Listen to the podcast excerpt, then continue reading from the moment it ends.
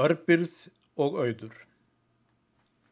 Þú manst að fátækt var að náð og sveitt af vorum drottni, það er gömul saga. En Guð og menn og allt er orði breytt og ólíkt því sem var í fyrri daga.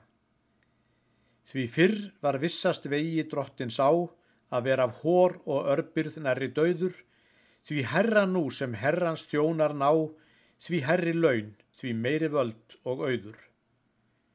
Í fátækt skortir bæði náð og brauð, því bendir Guð þér veg með þjónum sínum, þú verður vinur fyrst að fá þér auð, þá færðu líka náð hjá drottni þínum.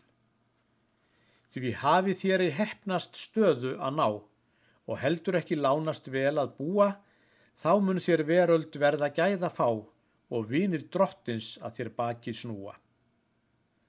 Þó drottin sjálfan þekkir ekki þú, þá þekkjast allir best af vinum sínum og gáðu að hverjum hlottnast virðingsú að hafa sæti næstir presti þínum.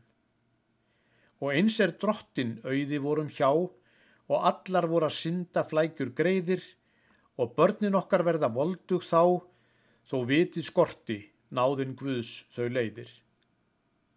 Og eins er það að þá sem eiga gull frá þjófnað verndar náðar herran blíði en þúsund svartól á hér fjandin full af flökku þjóð og öðrum sultar líði. Þú félös maður mátt hér líða nauð og myndi víti síðar kenna á hörðu, en takist þér að eiga nóan auð þig englar geima bæði á himni og jörðu.